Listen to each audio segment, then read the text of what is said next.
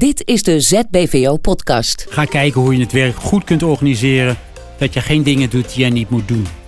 Dat je niet in oren blijft kijken en oren blijft uitspuiten als specialist oudergeneeskunde. Dat kunnen andere mensen misschien wel beter. Ouderenzorg staat centraal. Altijd. Iedereen binnen ZBVO is erop gericht ouderen een fijne dag te geven. Een oude dag zoals zij die willen. Kwaliteit van leven staat voorop. Dat betekent dat wij het anders doen. Wij helpen zorginstellingen, zorgvilla's en huisartsenpraktijken die net als wij denken in mogelijkheden en gaan voor efficiëntie op de werkvloer. In deze podcast gaan we in gesprek met onze specialisten. We delen verhalen, kennis en kunde over de ouderenzorg. Ouderenzorg staat bij ZBVO centraal. Altijd. Welkom bij de vierde podcast van ZBVO. Voor onze gast van vandaag zijn we afgereisd naar wel een hele bijzondere locatie. De koffie, de broodjes, ze zijn allemaal aanwezig. En op de achtergrond speelt een gezellig muziekje, want we zitten in het Stadscafé in Amersfoort. Werkelijk een schitterende locatie, een aanrader mocht je een keer in de buurt zijn. We gaan in gesprek met Amnon Wijnberg, een bekend persoon in de branche, erelid van de beroepsvereniging Verenzo en specialist ouderengeneeskunde bij ZBVO. Amnon, hartelijk welkom. Dankjewel. Al een tijdje met pensioen heb ik begrepen, maar je blijft je inzetten voor het vak. Ja, ik wist niet dat we daarmee zouden beginnen. Ik zeg altijd maar zo, de pensioen is de mooiste tijd van je leven. Want dan krijg je de tijd om de dingen te doen die je graag wil doen. En zo is het voor mij uh, ook gegaan naar een arbeidzaam leven. Veel ervaring, visie en uh, capaciteiten opgebouwd. En wetend hoe de branche in elkaar zit. En nog steeds veel ambitie om dingen verder te brengen. Specialist in hart en nieren, dat is wel duidelijk. We gaan met jou in gesprek over de masterclass handreiking taakherschikking ouderenzorg. Een samenwerking tussen de beroepsverenigingen Verenzo, NAPA en VNVN. Je bent specialist ouderengeneeskunde bij ZBVO. Een hele lange titel, maar wat houdt dit precies in? En wat zijn je ambities binnen de organisatie? Ja, ZBVO staat voor Zorg en Behandeling voor Ouderen. En dat is een zelfstandige organisatie, dus het is niet een verpleeghuis hè, waar normaal de professionals vandaan komen. Een zelfstandige behandelorganisatie waar specialisten oudergeneeskunde, verpleegkundige specialisten, physician assistants met elkaar samenwerken. Hele uh, organisatie die heel laag is. Er zitten geen lagen tussen. Uh, we bepalen samen met de bestuurder wat er gebeurt. En dat is nog wel wat anders dan wat in verpleeghuizen gebeurt. En misschien goed voor dat ZBVO wil wat toevoegen aan de, aan de ouderenzorg. Enerzijds door het bieden van dokters, verpleegkundigen, physician assistants. Dus op inhoud, consultatie, patiëntenzorg. Anderzijds is het bijzondere van ZBVO dat ze ook proberen organisaties verder te brengen. Ondersteuning te bieden aan de ontwikkelingen in, door, die de organisaties meemaken in de ouderenzorg. Want er komt nogal wat op ons af, hè, binnen en buiten het uh, verpleeghuis. Dus wat dat betreft biedt ZBVO dienstverlening binnen verpleeghuizen, maar ook buiten verpleeghuizen. En sinds nog niet zo heel lang zijn we ook bezig om dat regionaal invulling te gaan geven in andere regio's dan de basisregio in Brabant. Hoe ben je bij ZBVO eigenlijk terechtgekomen? Toeval bestaat niet, zeg ik altijd. Um, toen ik hier in Amersfoort kwam wonen, twee jaar geleden, wilde ik graag zowel op uh, regionaal niveau bijdragen aan visie en beleidsontwikkeling, als dat ik ook wilde laten zien in de praktijk wat kan ik aan huisartsen aan dienstverlening bieden. Dat lukte niet binnen de huidige wet en regelgeving. Daarvoor heb je speciale eisen nodig, komt door de WTZI-regeling. Kortom, ik had een organisatie nodig die daaraan kon voldoen, waar ik namens die organisatie kon consulteren voor huisartsen. En ik heb gekeken naar de verpleeghuizen. Nou, daar was niet zoveel mogelijkheden. En toen keek ik op internet en zag ZBVO. En ik bel op een maandag of woensdagochtend. Dat is nog steeds de, vraag. Bel ik eventjes met uh, Gerard de Wild in de auto. En binnen twee tellen hadden we het idee dat we elkaar gevonden hadden. En vrij snel daarna hebben wij een gesprek gehad met elkaar. Waarin we echt hebben gekeken van welke visie delen we nou? Welke ambities hebben we? En kunnen we inderdaad elkaar uh, een win-win situatie bezorgen. ZBVO bestaat uit een flinke club specialisten. Hoe versterken jullie eigenlijk elkaar? Ja, uh, dat is best een uitdaging. Omdat, uh, wat ik net zei, van oudsher was het voornamelijk in Brabant. Maar nu in andere regio's, Arnhem, Gelderland, Amersfoort. En om op zo'n groot geografisch gebied met elkaar keeping up uh, te doen, dat vraagt uh, nogal wat kracht en uh, wat communicatie. Mm -hmm. We hebben een professioneel collectief bestaande uit de behandelaars. Dat komt maandelijks bij elkaar. De laatste periode is natuurlijk veel via digitaal, hè, met de coronatijd. Maar we hebben ook een, een FTO, een therapeutisch overleg, waar we elkaar maandelijks vinden. We hebben accountteams. Dat zijn accounts waarbij je het hebt over eerste lijnzorg, zorg in de villa's, uh, medicijnen, voorschrijfbeleid. Een achttal accountteams die worden geleid door professionals. En we hebben ook een, een professioneel collectief, hè, wat ik net zei, wat bij elkaar komt. En we hebben ook regionale accountteams. Dus stel je voor, hier in Amersfoort ben ik niet alleen. Ben ik met een ergotherapeut, psycholoog, nog twee collega-dokters. We hebben een regionaal teampje. We zijn verantwoordelijk voor de voortgang, acquisitie, invulling, waarneming. En dat doen we allemaal samen met uh, onze navelstreng, met uh, het bureau, met uh, Tijmen en met Stefan en Stijn. En nog wel meer van het bureau. Je bent als specialist ouderengeneeskunde altijd eigenlijk op zoek naar het verbeteren van ouderenzorg. Ja, hoe doe je nou zoiets? Hoe ziet bijvoorbeeld je gemiddelde dag eruit? Ja, het zijn twee vragen. Je bent altijd bezig. Waarom ben je er altijd mee bezig, is een vraag. Hè? Als je zo lang werkt in, in, in de ouderenzorg, en ik werkte met name in mijn vorige baan uh, bij Rivas in uh, heb ik twintig jaar in het ziekenhuis gewerkt. Als consulent geriatrie, zeg het maar. En uh, palliatief dokter, maar ook twintig jaar in huisartspraktijk gewerkt. Niet consultatie bieden alleen, maar juist daarin werken. Daar ontwikkel je, dat wil ik zeggen, een stuk visie op van goh, hoe zou dat nou idealiter in de ouderenzorg geregeld kunnen worden als het gaat over je vader, over jouw moeder, over naasten. Want ik zag nog wat knelpunten met ja, de fragmentatie in de zorg, de muren in de zorg. De reis van de oudere kwetsbare patiënt is niet zo eenvoudig. Op inhoud al niet, voor de familie al niet. Maar als je weet wat er allemaal op je pad komt aan verschillende hulpverleners, goed bedoelend en in verschillende instanties en, en op verschillende plekken waar je terechtkomt, dan kan er nog heel veel fijn getuned worden in de samenwerking. En daarmee samenhangt ook gefaciliteerd door een veel integraler financiering. Hoe vind je zelf de ouderenzorg momenteel geregeld in Nederland? Of laat ik het anders zeggen, uh, waar liggen de verbeterpunten en de uitdagingen? Ik vind wel dat er stappen worden gezet. En dat, maar er moet nog wel meer gebeuren in samenhang. En heb ik het in samenhang heb ik het op uh, beleidsniveau. Dan heb ik het op regionaal niveau. En heb ik het over rond huisartspraktijk. Hoe organiseer je dat nou? Uh, we hebben natuurlijk in de coronatijd hebben we meegemaakt hoe niet alleen jongeren, maar ook ouderen steeds kwetsbaarder werden. Thuis zaten, niet naar de dagopvang konden gaan en tekort kwamen. En wat je toen zag, dat zag je daarvoor eigenlijk ook al. Dat waren de structurele problemen wat betreft personeel, medewerkers. Hebben we voldoende professionals, dokters, huisartsen, specialisten, uh, specialisten oudergeneeskunde, maar met name ook verpleging, verzorging. Je ziet gaandeweg in een maatschappij die vergrijst, dus een toenemend aantal kwetsbare ouderen, ouderen die vanzelf kwetsbaar worden. En de ontgroening, toenemend minder mensen die in de zorg werkzaam kunnen zijn. Ziet dat knelpunt komen wat betreft de uitvoerbaarheid, de betaalbaarheid ja, en de toegankelijkheid van de zorg. En dat is toch wel een probleem, want er speelt nog een andere factor mee. We hebben natuurlijk best wel stappen gezet in de laatste decennia wat betreft kunnen behandelen, doorgaan behandelen, mensen langer op een gezonde manier oud laten worden. Maar er zit een keerzijde aan. want we kunnen de dood niet altijd, we kunnen we nooit voorkomen. We kunnen hem uitstellen. Ja. En naarmate wij ziekte meer chronisch laten worden, gaan mensen de gevolgen van de ziekte ervaren. Dus meer afhankelijk worden, minder zelfstandig worden, minder goed thuis kunnen blijven. En dat wordt een steeds groter wordende groep. En het laatste wat ik daarover wil zeggen is, die groep mensen, dat zijn wij ook, maar dat zijn ook de kinderen daarvan. Wij stellen steeds hogere verwachtingen aan van wat wij willen aan zorg en behandeling. Anno 2022 hoef je eigenlijk niet meer dood te gaan, zeg ik. Een beetje gekskrerend. Maar dat bedoel ik wel serieus. En daar speelt ook doorheen dat we toenemend te maken hebben met verschillende culturen.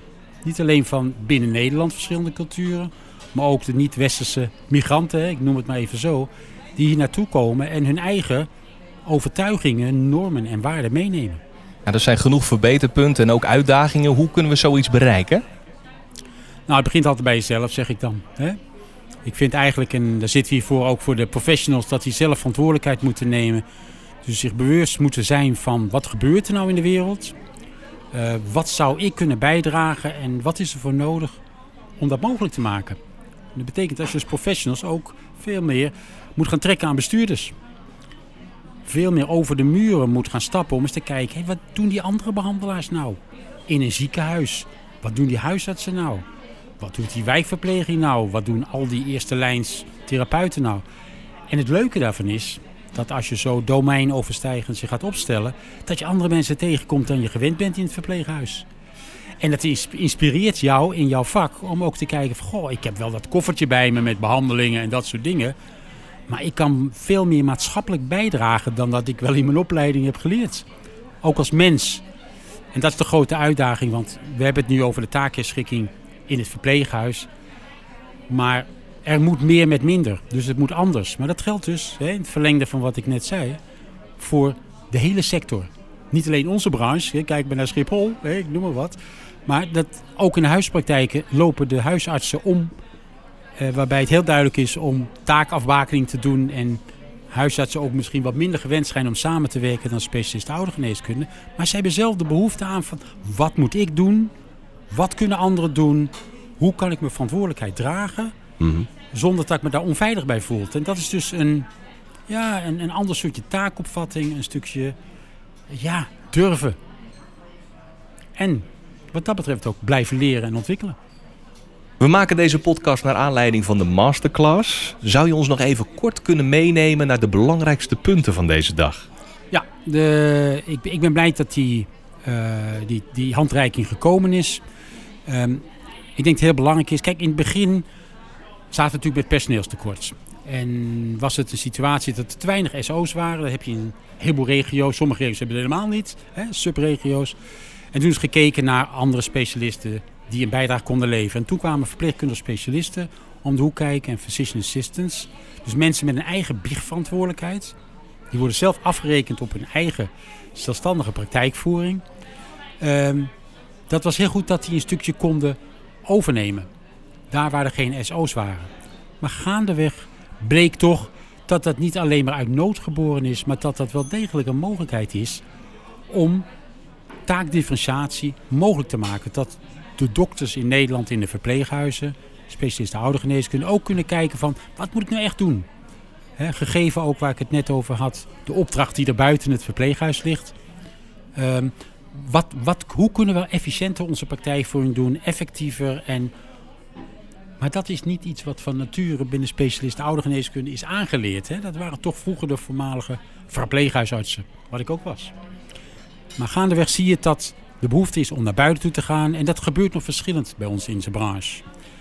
Toenemend zie je dat specialisten naar buiten gaan.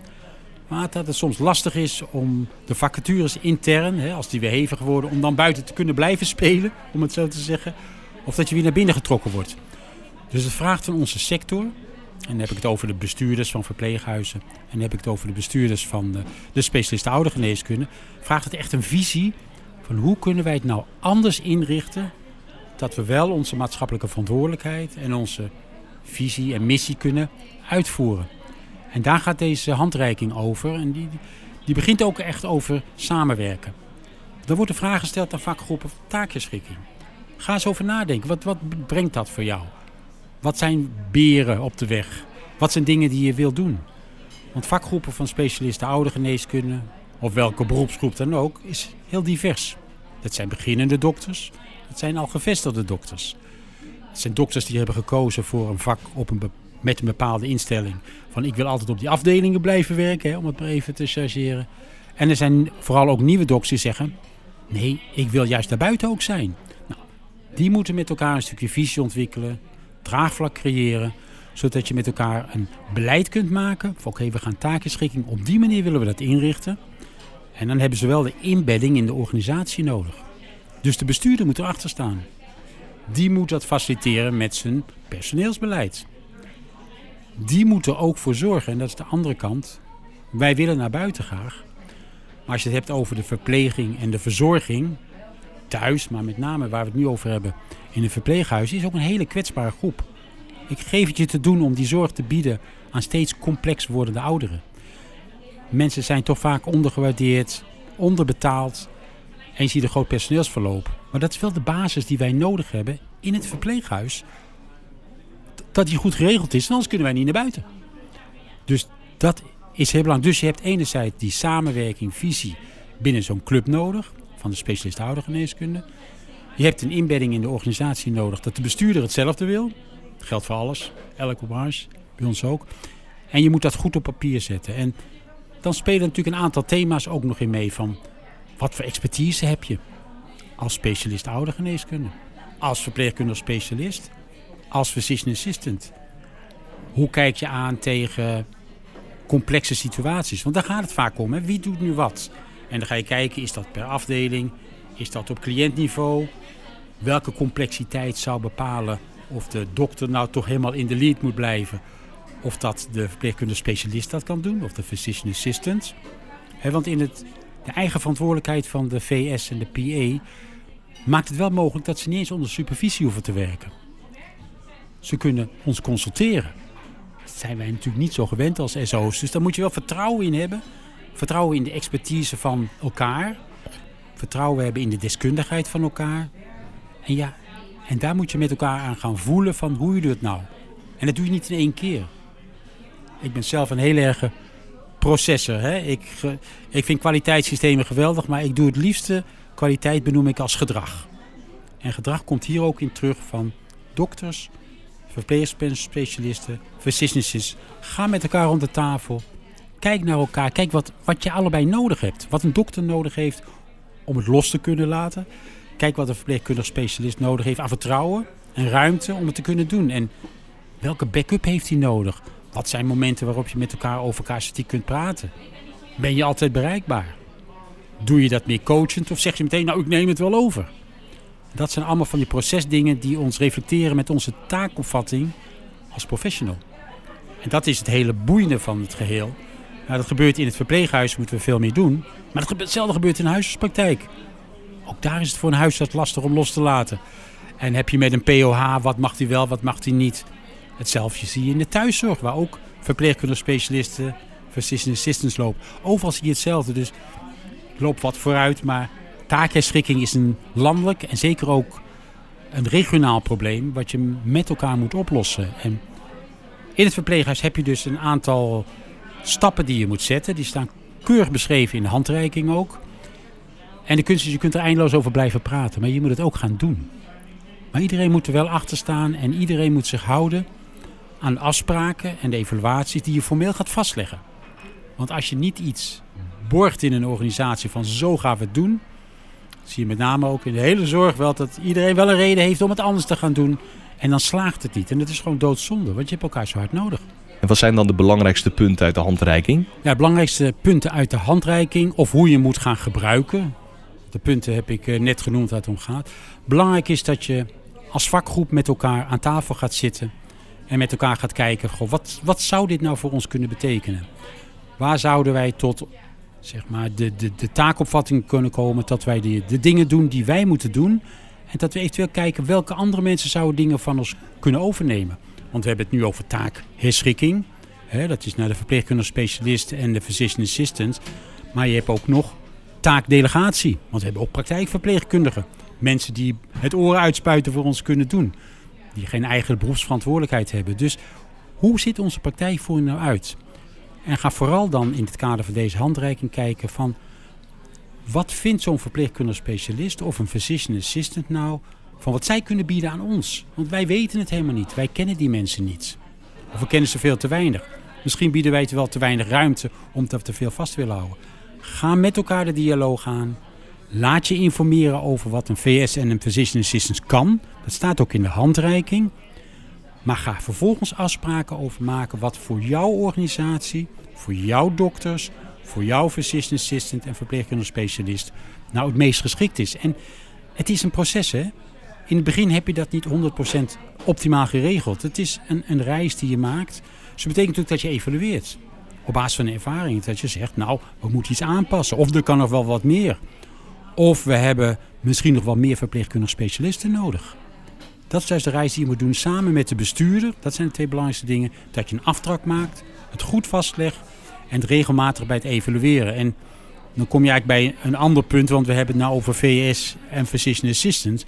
Maar in het verpleeghuis loopt ook nog een psycholoog rond. Een GZ-psycholoog. En dat, die staan eigenlijk gelijkgesteld met ons.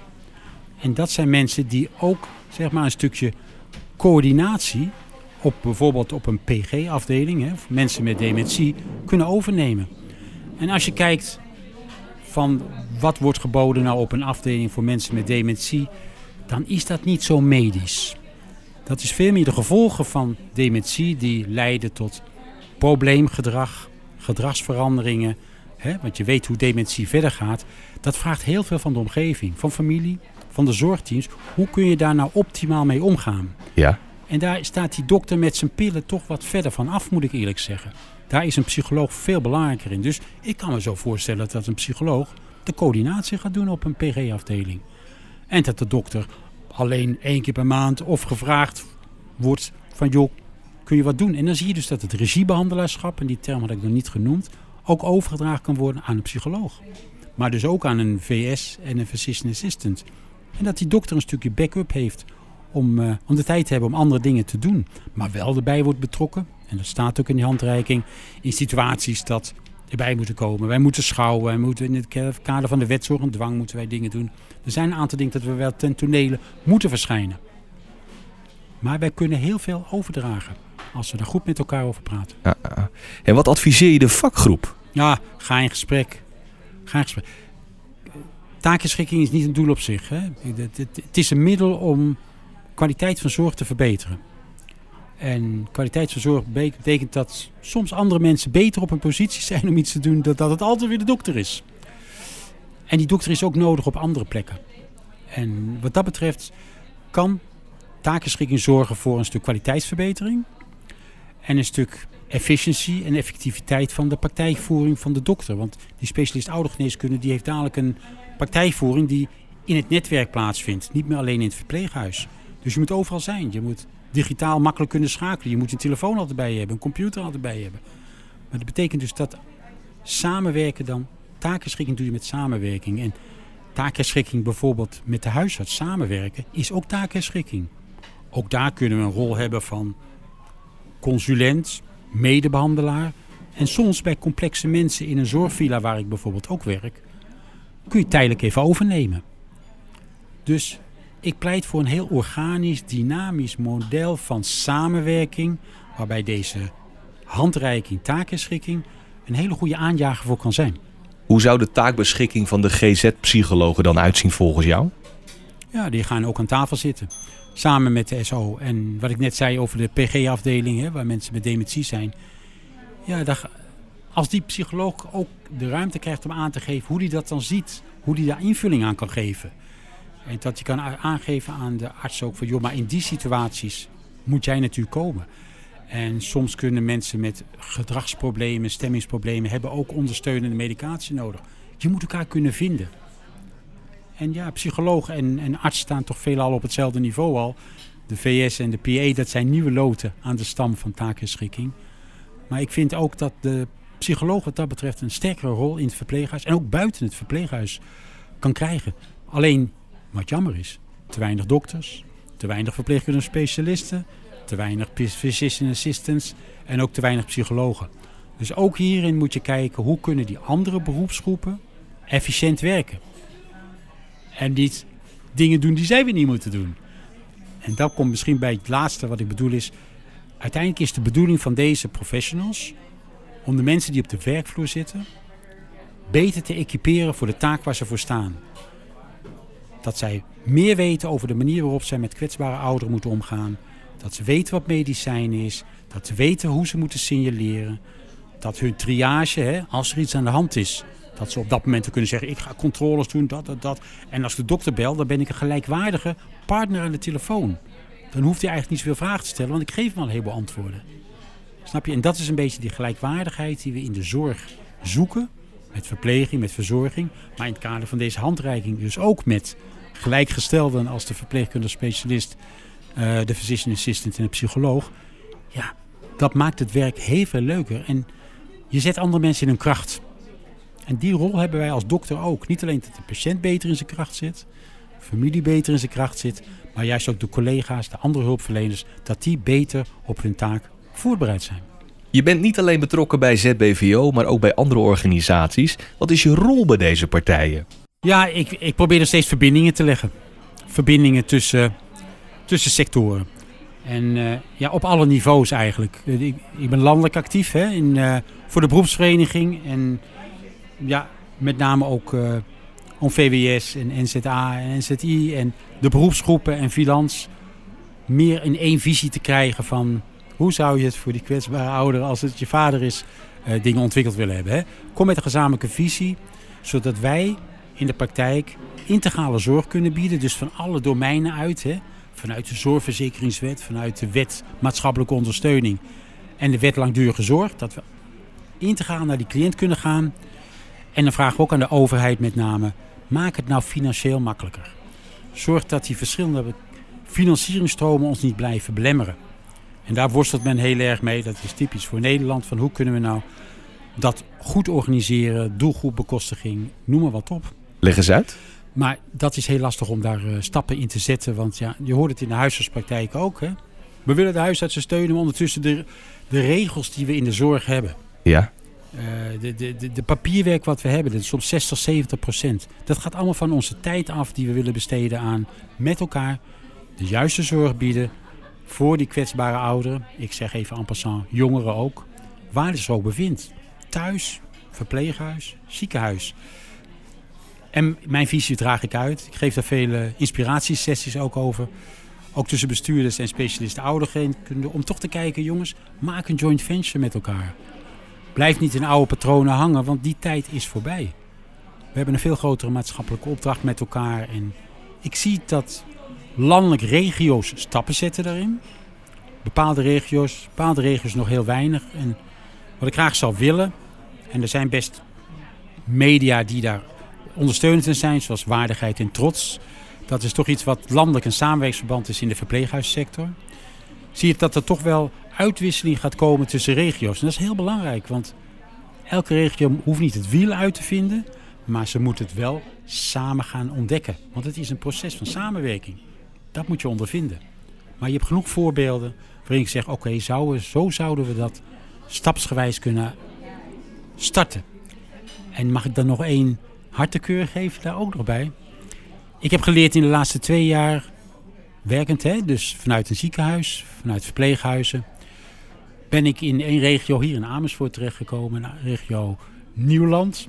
Daar ben ik ingestapt in wijkgericht werken. Zeggen, wat is wijkgericht werken?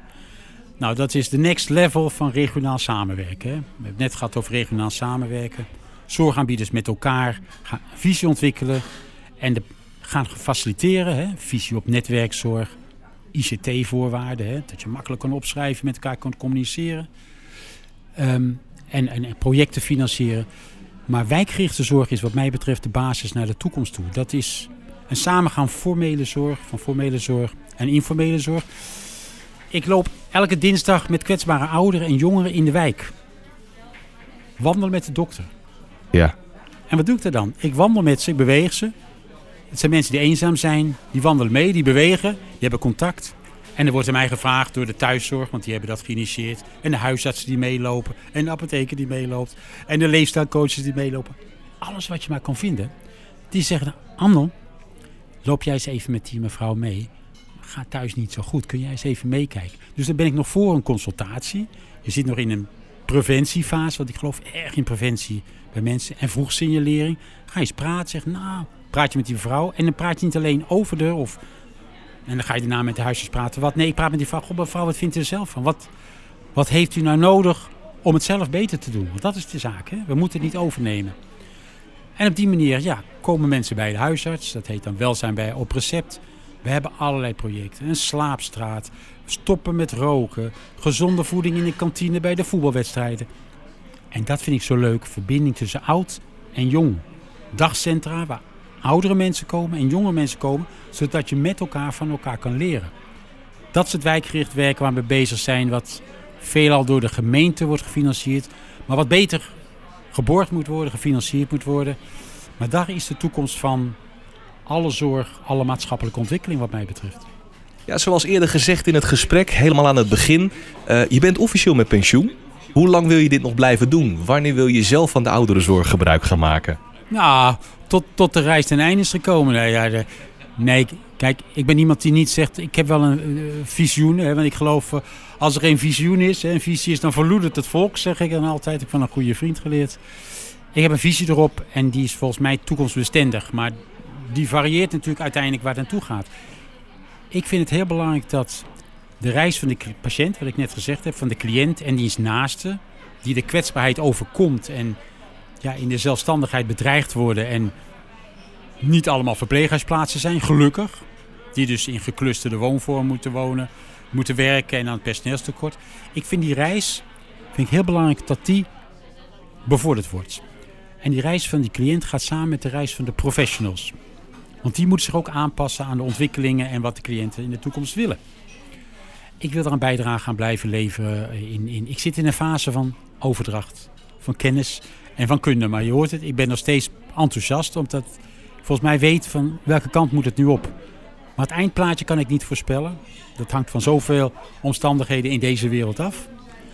Maar ik, ik wil me daarvoor blijven inzetten, met name voor de meest kwetsbaren. En ik heb ook geleerd dat niet alleen de ouderen kwetsbaar zijn, maar ook de jongeren zijn kwetsbaar.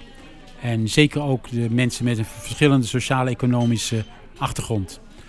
En ik vind dat we daar wel steeds meer besef over krijgen dat we met elkaar voor een stukje solidariteit moeten gaan staan. En dat we die begrippen als marktwerking en ieder voor zich en uh, rijk en arm, wat helaas toch steeds verder gaat, die, dat verschil, dat we daar tegen weerstand tegen moeten bieden. En dat we uit moeten gaan toch van normen en waarden die we vroeger onze ouders en opa's en oma's hadden. Hè? Kwetsbare ouderen horen erbij. Daar moeten we respectvol mee omgaan. En daar moeten we zorgen dat we voor hen goed ja, de laatste levensfase ook wordt doorgebracht. En dat blijft mij bewegen. Ja, ze zeggen wel eens, gezelligheid kent geen tijd. Uh, we lopen voorzichtig tegen het einde van de podcast. Zou je zelf nog iets toe willen voegen? Ik zou uh, willen meegeven, professionals waar ze dan ook zijn. Maar met name hebben we het nu over verpleeghuizen. Maar waar je ook zit, ga eens kijken van wat doe je met je vak op dit moment. En kijk eens welke kwaliteiten dat heeft. En waar dat zou in kunnen passen in wat de, wat de maatschappij vraagt. Ga met elkaar in gesprek binnen de setting waar je werkt. Verpleeghuizen, waar nou de handreiking over is. Maar ga ook over de grens kijken. Voel je verantwoordelijk ook wat een, wat een huisarts voor problemen tegenkomt. Voel je ook verantwoordelijk voor al die verkeerde bedproblematiek in een ziekenhuis. Specialisten die worden overvallen met oudere mensen die eigenlijk niet meer in het ziekenhuis hadden moeten komen. Ga met elkaar in de dialoog over de muren. Ga kijken hoe je het werk goed kunt organiseren. Dat je geen dingen doet die je niet moet doen. Dat je niet in oren blijft kijken en oren blijft uitspuiten als specialist oudergeneeskunde. Dat kunnen andere mensen misschien wel beter. En verpleegkundige-specialisten en physician assistants zijn toch mensen die ook soms wat beter de taal van de zorgteams, verpleegkundigen en verzorgenden kunnen praten dan een dokter. Het is gewoon zo. Durf los te laten. Ga met elkaar in gesprek. Ga samenwerken. Maak je vak nog interessanter. En uh, ja, nogmaals, denk er zelf voor na en daar komt iedereen achter. Als jouw vader of jouw moeder is, dan kom je er wel achter hoe het op dit moment al dan niet optimaal georganiseerd is. Amnon, hartelijk dank. Graag gedaan. Wil je meer informatie over dit onderwerp? Kijk dan op onze site zbvo.nl. Dat is overigens ook de locatie om met ons in contact te komen. Mogelijk ben je geïnspireerd geraakt door dit gesprek en zou je dit graag willen delen? zbvo.nl slash contact. Like onze social media pagina's of volg vanaf nu onze podcast. Abonneer is helemaal gratis en je blijft automatisch op de hoogte. Tot de volgende podcast.